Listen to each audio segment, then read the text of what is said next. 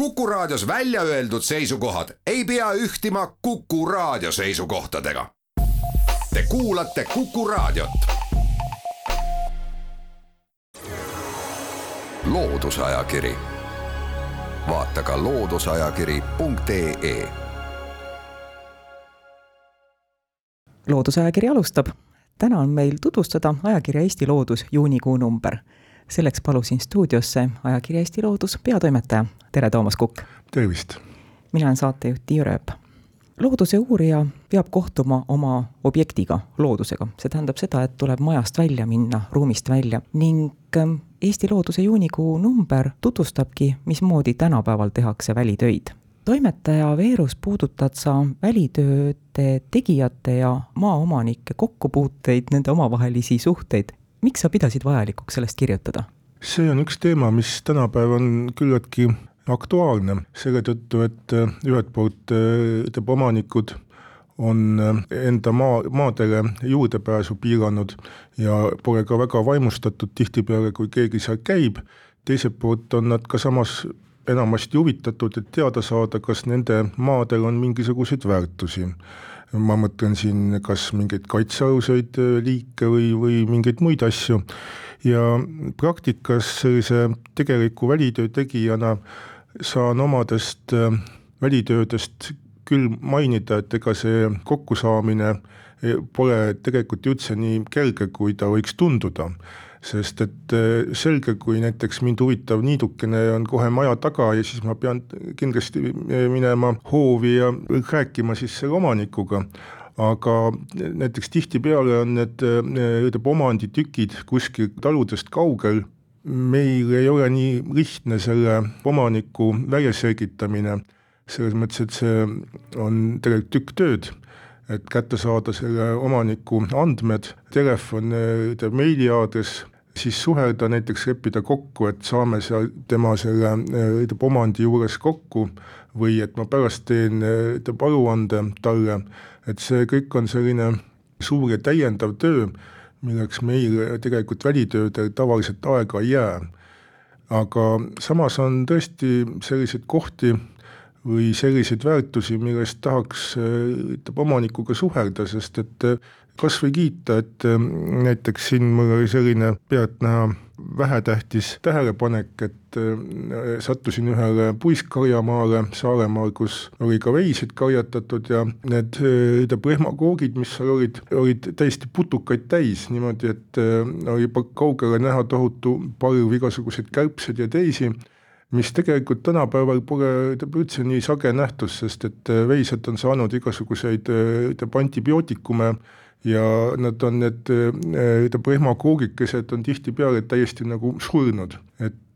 oleks tahtnud öelda, et on täitsa õigel teel, kui ta oma veiseid seal hoiab niimoodi suhteliselt looduslikes tingimustes puis karjamaal ja pole tal olnud ka põhjust neid veiseid keemiaga mürgitada. rubriigis Kuu looduses annab Piret Papper soovitusi, keda juunikuus loodusest leida ja keda tähele panna. teiste hulgas näiteks juunikuus näeb lendamas aastaliblikat, vareskaera aasasilmikut. kui me lehitseme ajakirja Eesti Loodus juuninumbrit edasi, siis me leiame siit infograafikat, mis illustreerib, kus kohas üle maailma meie geoloogid välitöid teevad ning antakse ülevaade ka üle-eestilisest looduse vaatluse maratonist, mis tänavu toimub õige pea, üheteistkümnendast kuni kaheteistkümnenda juunini ning juba viiendat korda. vaatasin seda ülevaadet ning siit saab teada, kui palju on alates esimesest maratonist, mis toimus kaks tuhat kaheksateist, suurenenud vaatlusalade, vaatlejate ja vaatluste arv, samuti taksonite arv. ning tuleb välja, et kahe tuhande kahekümne esimesel aastal osales loodusvaatluste maratonil kolm koma kaks korda enam vaatlejaid kui esimesel maratonil ning taksoneid sai kirja kaks koma neli korda rohkem. mulle tundub, et see osalejate arvu paisutamine on lihtsam kui taksonite arvu suurenemine jah, kindlasti, sest et äh, see maraton toimub küllalt kevadisel äh, ajal, kus kahe päevaga nähakse ikkagi samas faasis olevaid taimi või siis ka parasjagu liikuvaid putukaid või teisi olendeid. Ja see hulk, keda niimoodi kahe päeva jooksul kõikjal Eestis näha saab, on ikkagi suhteliselt äh, piiratud et ta ei ole selline noh, selline mingi tohutu hulk kõikvõimalikke taksoneid, sest et vaatluste puhul on ka tähtis, et see vaatlus oleks ikkagi tõene, et meil ei ole näiteks mõtet püüda määrata, tähendab juuni alguses neid taimi, kelle õiged tunnused on näha alles augustis. Need jäävad paratamatult näiteks tähelepanu alt välja teine asi muidugi, et neid vaatlusi tihtipeale liikide tundjad vaatavad veel hiljem, võib-olla teab nädalaid või kuid hiljem ja, ja e, täpsustavad, et kui ta on praegu kirjas ainult perekond, ütleme taln, siis nendest vaatlustest võib omakorda tulla siis täiendavaid taksoneid tubase tööga, nii et e, kindlasti on ka sellistel pealtnäha tavapärastel taimedel või ka sagedatel liikide vaatlustel suur mõte, kui nad on täpsed, äh, õigesti vormistatud, siis on neid äh, tihtipeale võimalik ka teadustöös tarvitada. lehitseme ajakirja Eesti Loodus juuninumbrit edasi. ornitoloog Margus Ots tutvustab, kuidas on muutunud ornitoloogide välitööd sadakond aastat tagasi oli ornitoloogi tööriistaks jahipüss, nüüd on nutikad seadmed ja neid ta tutvustabki, neid nutikaid abivahendeid, mida ornitoloogid tänapäeval kasutavad. me oleme korduvalt juhtinud tähelepanu sellele, kui olulised on erinevad teaduskogud. Ja siinkohal võib ka muidugi öelda, et need asjad, mida ornitoloogid talletasid oma jahipüssi aegadel, need kogud on ju praegu kasutatavad, need on ka tulevikus head kasutada. jah, kindlasti, siin on muidugi tähtis, et see kogu peab ähm, säilima. Eks nii topistel kui ka näiteks kuivatatud taimedel on tihtipeale samat tüüpi kahjurid, nii et seda kogu peab kogu aeg silmas pidama, et sinna mõni putukas ei tuleks sisse neid äh, sulgi ära sööma. Ja teine asi, mis nende kaavikute või topistega seoses, kui me leiame mingisuguse surnud peluka või või ka näiteks ta mingil põhjusel kütitud, näiteks kogemata on tabatud mingi kaitsealune liik, siis on on endiselt äh, väga hea, kui see materjal jõuaks meie suurematesse teaduskogudesse, et ega tegelikult ei tea kunagi ette, mille, mille suhtes teadlastel võib olla kunagi materjali vajadust järgmiseks leiab ajakirja Eesti Loodus juuninumbrist Ants Trulli, kes on Tartu Ülikooli doktorant, parasitoloogia nooremteadur, kirjutise Sõraliste kevadine pabulaloendus. millal, kus, miks ja kuidas seda meetodit rakendatakse, sellest saabki Eesti Loodusest lugeda edasi jõuame looduskaitse teemade juurde. Meelis Pärtel, Riin Tamme ja Kersti Riibak kirjutavad sellest, kuidas leida seda, mida ei ole. Välitööd taimede tumeda elurikkuse leidmiseks. tuleks vist lahti rääkida, mis asi on tume elurikkus? kõige lihtsam on öelda, et need on, selle moodustavad need taimed, kes võiksid antud kohas kasvada kes sinna sobiksid ja kes on seal, ütleme, selles piirkonnas üldiselt olemas, aga mingil põhjusel puuduvad. et see väljendab selle teab elupaiga vaesumist, et kui meil on selline tegemist mingi niidukohaga, kus läbi aegade on teatud, et selles eh, piirkonnas, ütleme sellisel niidutüübil võiks kasvada näiteks kakskümmend erinevat teab eh, liiki taimi, aga, aga praegu on ainult viis, siis puuduvad viisteist ongi siis see hulk, kes siis selle tumeda elurikkuse moodustavad. loodusajakiri, vaata ka looduseajakiri.ee loodusajakiri läheb edasi, Kuku stuudios on ajakirja Eesti Loodus peatoimetaja Toomas Kukk, saatejuht Andi Jürep me jätkame tutvustamist, millest on kirjutatud ajakirja Eesti Loodus juuninumbris. Vallo Tilgar, kes on Tartu Ülikooli kaasprofessor, uurib ta metsa- ja põllulindude ökoloogiat, kirjutab sellest, et pesavaatlused selgitavad, kuidas kaitsta põllulinde. arvud ise on emotsioonitud, aga nad tekitavad emotsioone. Nii saab siit teada, et isendiloenduste põhjal võib öelda, et meie põldudel, rohumaadel võiks pesitseda ligikaudu nelikümmend linnuliiki, aga kaks aastat välitöid andsid tulemuseks, et vaid kaksteist linnuliiki. Jah, see on natukene sarnane selle eelneva taimestiku jutuga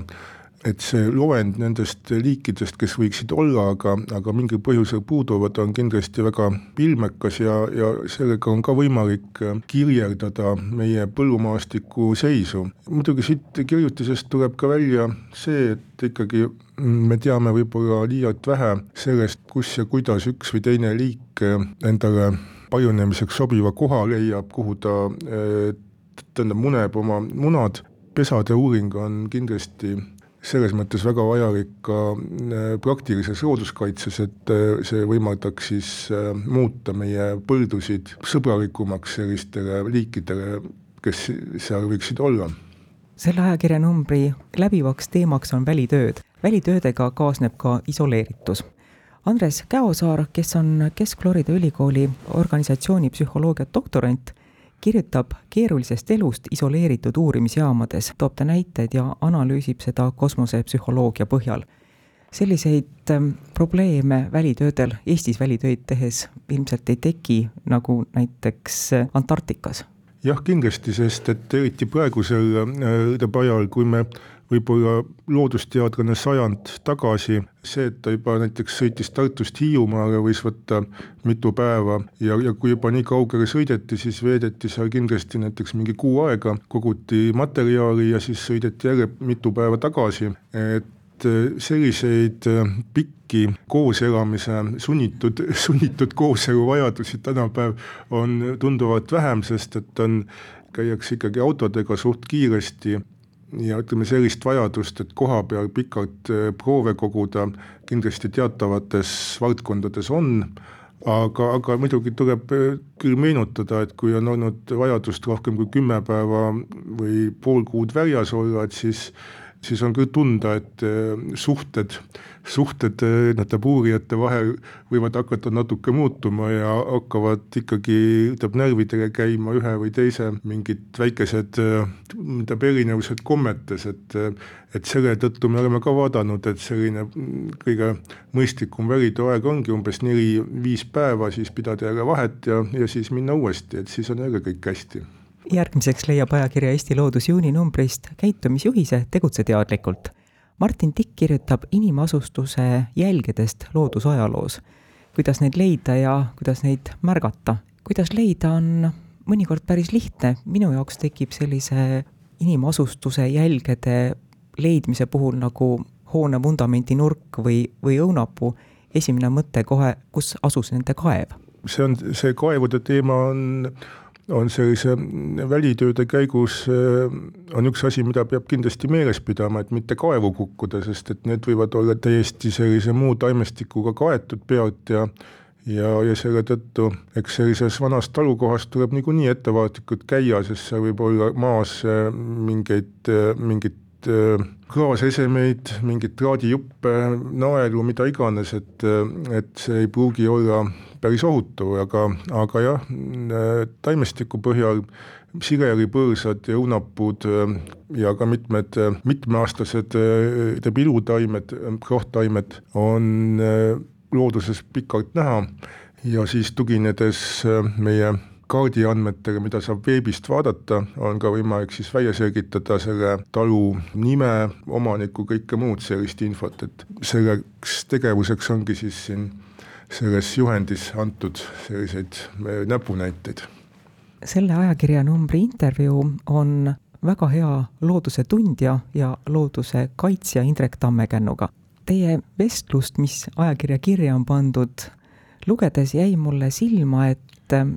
Indrek Tammekänd toob välja, et heal tasemel eestikeelseid ja Eesti liike käsitlevaid määrajaid oleks hädasti tarvis uuesti välja anda. miks see nii on? Meil on igasuguseid äppe ja rakendusi.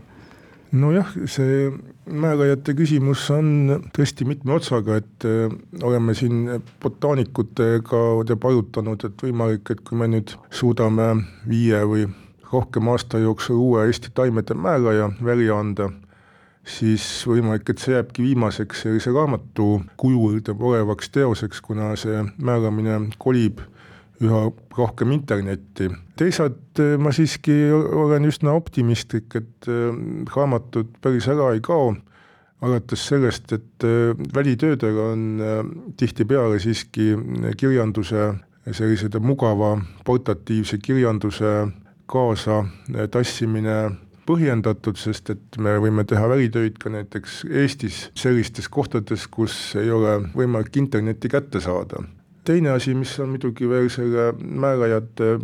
või tähendab kirjanduse puhul tähtis, et nad on rohkem läbi töötatud, põhjalikumad siiani, kui on igasugused äpid, sellist äh, teost vaadates meile jääb ka silma neid teisi liike, keda me võiksime silmas pidada, et et, et äpid on enamasti ju keskendunud selle ühe kindla taime või muu liigile ja me nii kergesti ei pruugi teada saada, et meil on sarnaseid või veel viis erinevat olla. nii et ma arvan, et raamatutel on oma koht olemas, aga, aga miks neid ei ole välja antud, on üks põhjus kindlasti see, et see on päris kulukas